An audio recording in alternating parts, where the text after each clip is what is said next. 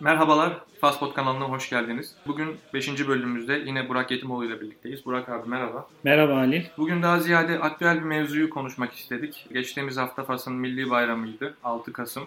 Ee, Yeşil Yürüyüş, Mesiretül Hadra ya da La Marche olarak bilinen ve bugün uluslararası anlamda hala çözülemeyen bir mevzu olarak önemli bir gündem işgal eden bir konudan bahsedeceğiz.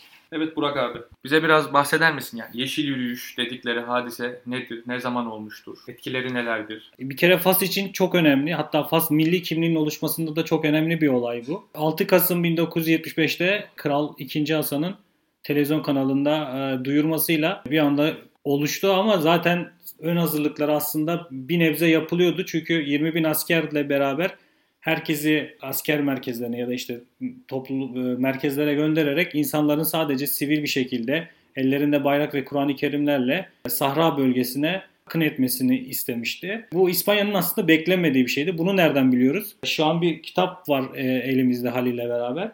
Abdülatif Filali o dönemde İspanya Büyükelçisi olarak görev yapıyor Fas'ın. E, Fas'ın çok önemli bir Dışişleri Bakanı uzun bir süre özellikle 2. Hasan'ın. Onun hatıra kitabından biliyoruz. Yani İspanya bu hareketi hiç beklemiyor ve bir anda başbakanları Carlos Arias, Fas Başbakanı Ahmet Osman'la görüşüyor. Acil bir toplantı düzenliyorlar ve Filali hemen Fas'a geliyor. İspanyol Bakan Kral Hasan'la görüşmeye çalışıyor ve bu görüşmelere yani o beklenmedik şeyi görüyor. Yani toplantı anekdotunu anlattığında Filali. Bu başarı yani bu ani şey e, Fas'a oradan İspanyolları çektirtmeye zorluyor. Şimdi abi sen Dandiye mevzuya girdin ama istersen biraz öncesini arkasını e, konuşalım. Bir kere Sahra neresi? İnsanların kafasında bir canlansın. Malum YouTube yayın olmadığı için belki birçok kişi bilmiyordur. E, ikincisi Sahra daha önceden Fas'ın kontrolünde miydi?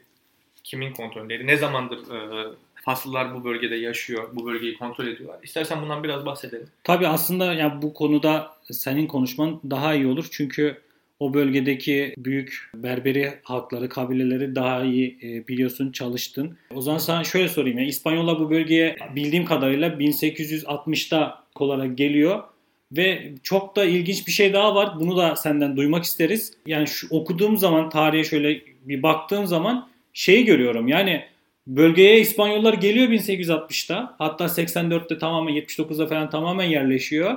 Ama bölge halkı yani bölge halkının önemli liderleri, dini liderleri de İspanya ile çatışmıyor, Fransa ile savaşıyor. Biraz bundan bahseder misin? Yani bu protektöre dönemine kadar ya da protektöre döneminden sonra da bölgedeki Sahra halkı kim o bölgede kimin hakimiyeti altındaydı ve kimle savaştı.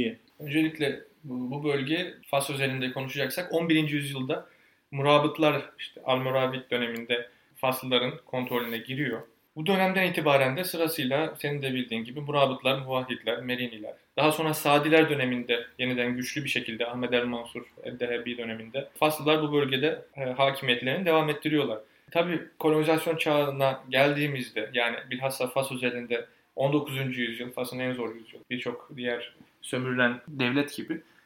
Ee, önce Fransızlar sonra İspanyollar tarafından Fas ciddi tacizlere maruz kalıyor ve 1844'te Fransızlarla İsli adında çok büyük bir savaş, 1859'da da İspanyollarla Akdeniz kıyısındaki Tetuan şehrinden hem Tetuan adında çok büyük bir savaş gerçekleştiriyorlar ve bu her iki savaş sonucunda da çok ciddi tazminatlar falan ödüyorlar. Büyük Aslında, ihtimalle borçlanma da oluyor. Tabii tabii. Yani protektora 1912'ye kadar gidiyor bu. Aynen. Bir de bir şey daha ekleyeyim burada seni tam çok fazla bölmeden. Yani İngiltere savaşmıyor ama İngiltere'ye karşı da çok fazla borçlanıyor. Tabii İngiltere'de bu 1904'te Fransa ile yaptığı Entente Cordiale yani yürekten anlaşma dedikleri 1904'teki anlaşmaya kadar bu anlaşmada da belirtelim Fransa İngiltere'yi Mısır'da, Mısır'da Fransa'yı Fas'ta serbest bırakıyor. O zamana kadar İngiltere'de Fas'ta çok aktif bir yabancı aktör. Bu anlaşmaya kadar İngiltere'de dediğin gibi hem finans manasında hem de finansman sağlama manasında hem de diğer konularda Fas'ta çok aktif bir yabancı aktör. Dediğimiz gibi 1860'daki Tetmon Savaşı'ndan sonra İspanyollar çok daha aktif bir şekilde Fas sahnesinde görüyoruz ve 1884'tü sen bana söylemiştin yanlış hatırlamıyorsam. 1884'te de bu Sahra bölgesinde İspanyollar ele geçiriyor. Biz Sahra diyoruz. Böyle olduğunu da düşünüyoruz. Faslılar gibi düşünüyoruz aslında. Ama bugün e, uluslararası arenada çözülememiş bir mevzu olduğu için burası Türkiye'deki e, okullardaki haritalar dahil olmak üzere Batı Sahra olarak haritalarda gösteriliyor. Fakat bugün %75'i Fas'ın kontrolünde. Kumdan da büyük duvarlarla ayrılmak suretiyle geri kalan kısmı pek yaşamın olmadığı büyük çöller olmak suretiyle Polisario denen grubun, ayrılıkçı grubun kontrolünde olan bir bölgeden söz ediyoruz. 1880'lerden itibaren İspanya bu bölgeye geliyor. Ama senin de bahsettiğin, vurguladığın gibi tabii ki yerel direnişler ol, olmakla birlikte Birinci Dünya Savaşı'na kadar geldiğimizde bölgede esas direnişin hep Fransızlara karşı, esas savaşın hep Fransızlara karşı olduğunu görüyoruz. Bilhassa e, Fas deyince zaten herkesin aklına gelecek olan Muhammed bin Abdülkerim el hatta bir Rif Savaşı'nı hariç tutarsak Birinci Dünya Savaşı'nda buraya gelen Osmanlı, Alman ajanları dahil olmak üzere yerel direnişçiler hep İspanyollarla işbirliği içinde Fransızlara karşı savaşıyorlar. Hatta bunun üzerine çok yazılıp çizilmiştir. Yani İspanya'nın Birinci Dünya Savaşı'ndaki nasıl diyeyim istifade edilebilir yani rentable tarafsızlığından çok bahsedilir. Evet. Çok yazılır çizilir. Çünkü tarafsız bir devlet olarak geçiyor ama sürekli Fransa'ya problem çıkarılmasına müsaade eden politikalar benimsiyor. Belki ismini zikretmekte fayda vardır. Yani çok önemli bir şahsiyet, önemli bir dini lider. Şey, Maülaynen isminde biri var. Tamamen bu bölgede, Moritanya Fas bölgesinde yetişmiş ve yaşamış birisi ve ömrünü Fransızlarla mücadele ederek geçirip 1910'da vefat ediyor. Sonra ondan bayrağı devralan oğlu Ahmet El Hiba 1918'de 19'a kadar gene mücadelesini devam ediyor. Sonra onun kardeşi Mürebbi Rebbu yine 1930'lara kadar Fransızlarla savaşıyor ve bunlar hep İspanyollarla anlaşarak savaşıyorlar. Ve İspanyolların aslında ele geçirdiği bölgelerde bulunan insanlar bunlar. Dolayısıyla İspanya'nın böyle bir sömürgeciliği söz konusu. Yani daha çok şeyde kalıyor anladığımız kadarıyla. Sahil bölgelerine evet, kalıyor. Evet. Ya burada işte hatta bir e, şirket vardı. Neydi şirketin adı? Mackenzie adında İskoçyalı şirket de o bölgede. Yani daha çok kıyı şeritlerinde bu İspanya'nın aktifliği, ticari anlamda aktif olmaya çalışması, başka bu işte İskoçyalı Mackenzie şirketinin de Cap Juby adındaki o bölgeye gelmesi aslında iç taraflarda çok büyük bir İspanyol hakimiyetinin olmadığını ya da işte o tarafları çok fazla da önemsemediğini ama Fransa'nın o bölgelerdeki kabilelerle mücadele ettiğini daha çok görüyoruz. Peki şey e, nasıl oluyor? Yani 1956'da ki anlaşmaya gelelim. 1956'da Fas bağımsızlık kazanıyor. Fransa çıkıyor gidiyor. Peki nasıl oluyor da İspanya o bölgede hala kalıyor? Yani nasıl bir anlaşma oluyor? Bunun hakkında bir... Yani şimdi şöyle e, bir defa 1912'de Fas e, Fransa ve İspanyolların ikili protektorası himaye dönemine giriyor. Böyle bir döneme girdikten sonra 1920'lerde Rif Savaşı az önce bahsettik. İspanya'ya çok büyük sonuçlar doğuran Rif Savaşı vesaire. Bu dönemlerden geçerken tabii İspanya'da da bir takım değişiklikler oluyor. Bir kere İspanya bu bahsettiğimiz Sahra bölgesinde bir yeniden bir idari değişikliğe giderek orayı İspanyol Batı Afrikası olarak adlandırıyor. 58'e kadar daha sonra Sahra İspanyol diye İspanyol Sahrası olarak bugünlere 75'lere kadar geliyor. 1956'da Fas bağımsızlığını kazandıktan sonra önce Sahra'nın kuzeyinde aslında bugün daha Fas ana karasında bulunan İfni ve Tarfaya gibi topraklara operasyon düzenleyerek oraları İspanyollardan geri alıyor. Tabi ama buralar istisnai yerler, istisna teşkil eden yerler. Daha sonra Fas ordusu aşağılara inerek Sahra'yı da ele tekrardan almak, fethetmek istiyor. Fakat e, İspanyollar karşısında başarısızlık gösteriyorlar. Fas ordusu bunu tamamlayamıyor. E, senin de bildiğin gibi Fas'ın daha sonra Birleşmiş Milletler nezdinde bu topraklar için bir takım girişimleri oluyor. 1963'te yanlış yanılmıyorsam. Aynen 63'te ilk talebi oluyor. Non-otomo olması ta, e, isteği talebinde bulunuyor. Tabi bu istek tam kabul edilmiyor başta tartışılıyor. Ondan sonra ilk kararlar çıkıyor işte 2072 nolu karar. 66 ile 73 arası 7 tane farklı rezolüsyon yani çözüm çözüm önerisi sunuluyor. Bayağı bir tartışmalı konu haline geliyor. Tabii burada belirtmekte fayda var. Hemen aynı dönem aynı döneme tekabül ediyor. Cezayirliler de Fransız'dan Fransa'dan bağımsızlığını kazandıktan sonra çok enteresandır. Aslında çok da enteresan değildir. Hemen Fas'la bir sınır mücadelesine girişiyorlar. Zaten Cezayir Osmanlı dönemindeyken beri Fas'la e, Cezayir'in hatta Fas'la Osmanlı'nın en büyük problemi, en büyük anlaşmazlığı bu iki devlet arasında, iki bölge arasındaki sınır tecavüzleri, efendim e, bu tarz anlaşmazlıklardı. E, 1960'larda da 60'ların başında da Fas Cezayir'in Kum Savaşları adı verdiğimiz 63'te, 63'te savaşa girişiyorlar. Tabii son olmayan bir savaş bu. Hatta ee, bu savaş biraz daha yukarıda oluyor herhalde. Tabii tabii yuk- yukarıda Sahra ile alakası yok hmm. bu savaşın. Yani Fas'ın doğu, Cezayir'in batı sınırında Akdeniz'den aşağı inerek orada gerçekleşen bir savaş. Diğer bu husustan yine bahsetmek gerekirse yani nasıl oldu da İspanya peki Sahra'yı terk etme kararı aldı? Bunlardan biraz bahsedelim istersen. Tabii. Yani şimdi şöyle e, bölgeye yani bu 75'te ilk Marşvert'te bahsederken İspanya'nın biraz hazırlıksız yakalandığına dair biraz bahsetmiştim. İlk olarak Birleşmiş Millet şey Adalet Uluslararası Adalet Divanı ek şeyin başında Kasım'ın başında bir karar veriyor. Bu karar sonrası 2. Hasan'da işte Maşvet o çok meşhur Maşvet e, yeşil yürüyüş konuşmasını yapıyor ve bu sırada İspanya'da şöyle bir boşluk vardı. Ya yani bunu şöyle bu şeyden çıkartıyorum. Yine Filali'nin alıntılarıyla yapıyorum bunu. Franco çok ağır bir hastalık var. Parkinson hastalığına tutulmuştu ve bir yönetimsel bir boşluk var gibi gözüküyordu. İkinci Hasan da bunu çok iyi değerlendirdi gibi gözüküyor. Bu kararı çünkü İspanya çok net olarak beklemiyordu. Daha sonra masaya güçlü bir şekilde o, yani o, o bölgeyi çok sahrayı kendi topraklarını istediğini çok net bir şekilde masada vurgulaması ikinci Hasan'ın Fas'ın elini çok güçlendiriyor. Ve İspanya yani bu Maşvet'ten sonra 76 yılında e, o bölgeyi terk etmek zorunda kalıyor. Bu 76'da terk etmeye hazırlanırken ama bölge halkını tabii bu e, otonom olması işte Birleşmiş Milletler'in dahil olması işte kendi kaderin tayin hakkı tanınmaya çalışılması gibi konularda da o bölge halkını cesaretlendiriyor ve o bölgede siyasi örgütlenmelerin kurulmasına da destek oluyor.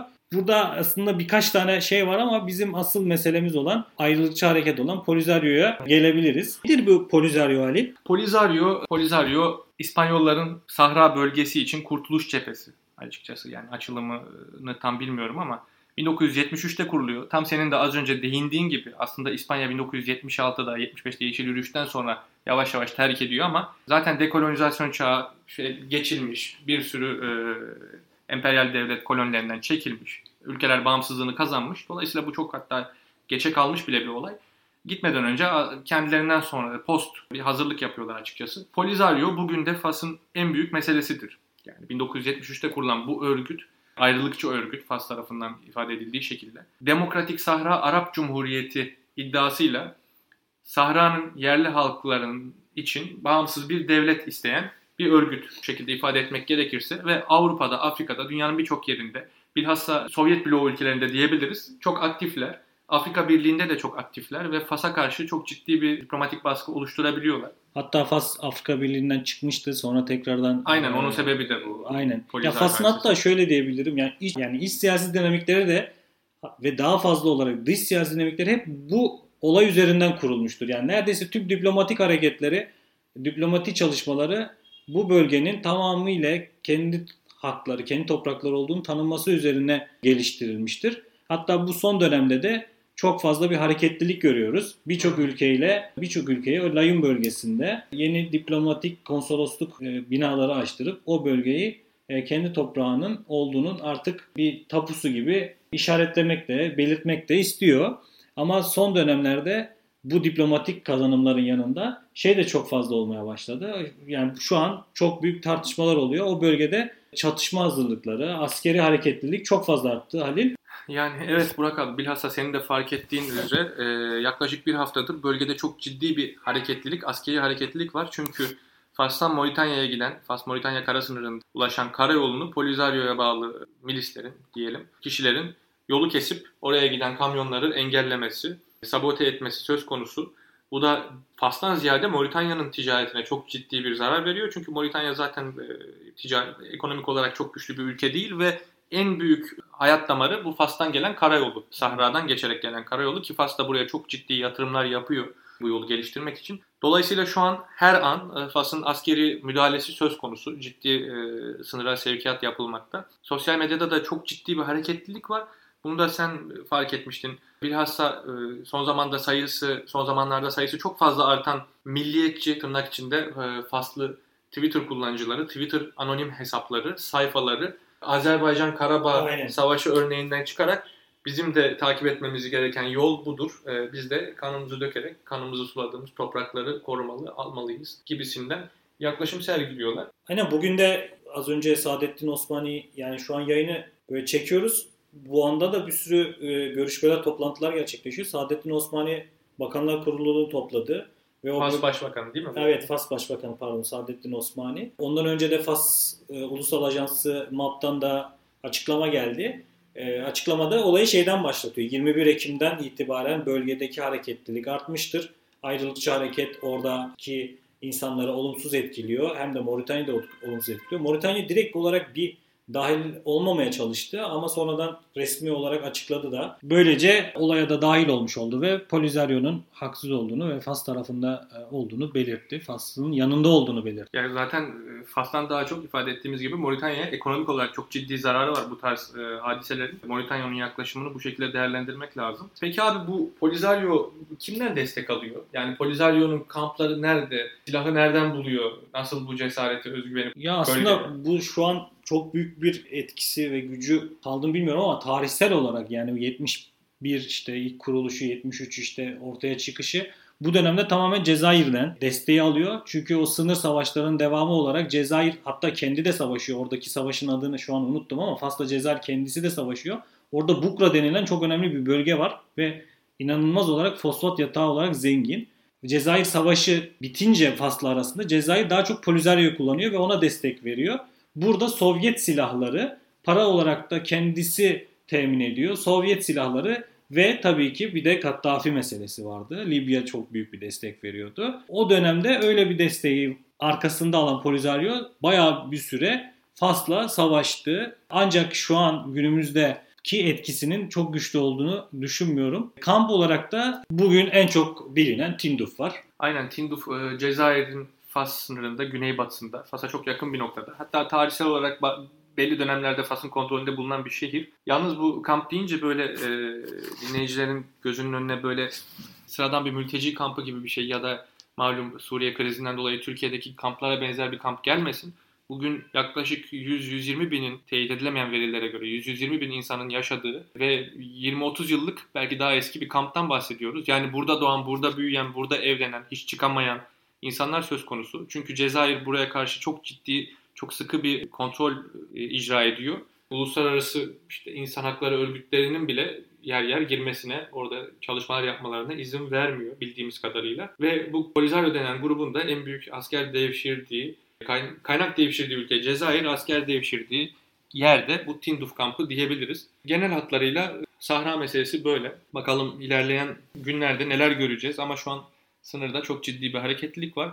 Ben bunun ciddi bir çatışmaya döneceğini zannetmiyorum. Zaten ciddi bir çatışmaya dönmesi demek uzun vadede, kısa orta vadede pardon, Cezayir'le bir e, çatışmaya girmek de demek olabilir. İki ülkenin de ben böyle bir dönemde bunu göze alacağını şahsen düşünmüyorum. E, senin fikrin ne bu konuda? Ben de zaten hiçbir zaman Fas büyük bir çatışma olarak düşünme, e, düşünmedi ve buna da gerek görmedi. Daha çok çalışmalarını hep diplomatik anlamda ve ticari anlamda ki o gücü, güçlü yanını kullanarak e, hedefine ulaşmaya çalıştı. O bölge üzerindeki ekonomik faaliyetleri arttırdı. O bölgeye çok fazla yatırmaya çalıştı. Cazibe merkezi haline getirdi. Bilhassa El Ayun ve e, Dahla gibi şehirleri, Sahra'nın belli başlı şehirlerini çok ciddi turizme cazibe merkezi haline getirmeye çalıştı. Ve dediğin gibi o diplomatik diplomatik hamlelerini de biraz daha açıklığa kavuşturmak gerekirse son olarak Birleşik Arap Emirlikleri El Ayun dediğimiz sahradaki şehirde konsolosluk açtı. Bu şu demek oluyor. Yani Fas'la diplomatik ilişkisi olan herhangi bir devlet, hangi devlet olursa olsun El Ayun'da bir konsolosluk açınca o bölgeyi doğrudan Fas'ın toprağı olarak tanımış oluyor.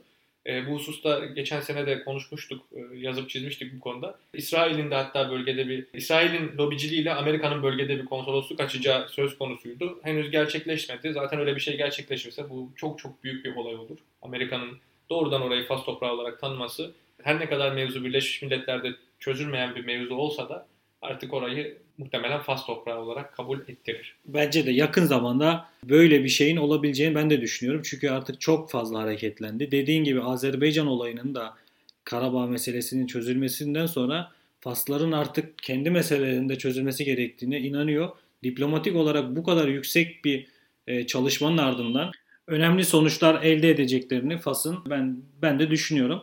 Evet, bizi dinlediğiniz için teşekkür ederim. Bugün 5. E, yayınımızda Halil Kaya ile birlikte Fas'ın milli bir bayramı olan Yeşil Yürüyüşü ve bugün tekrardan çok fazla gündeme gelen Sahra meselesini konuştuk. Bir sonraki yayınımızda görüşmek üzere.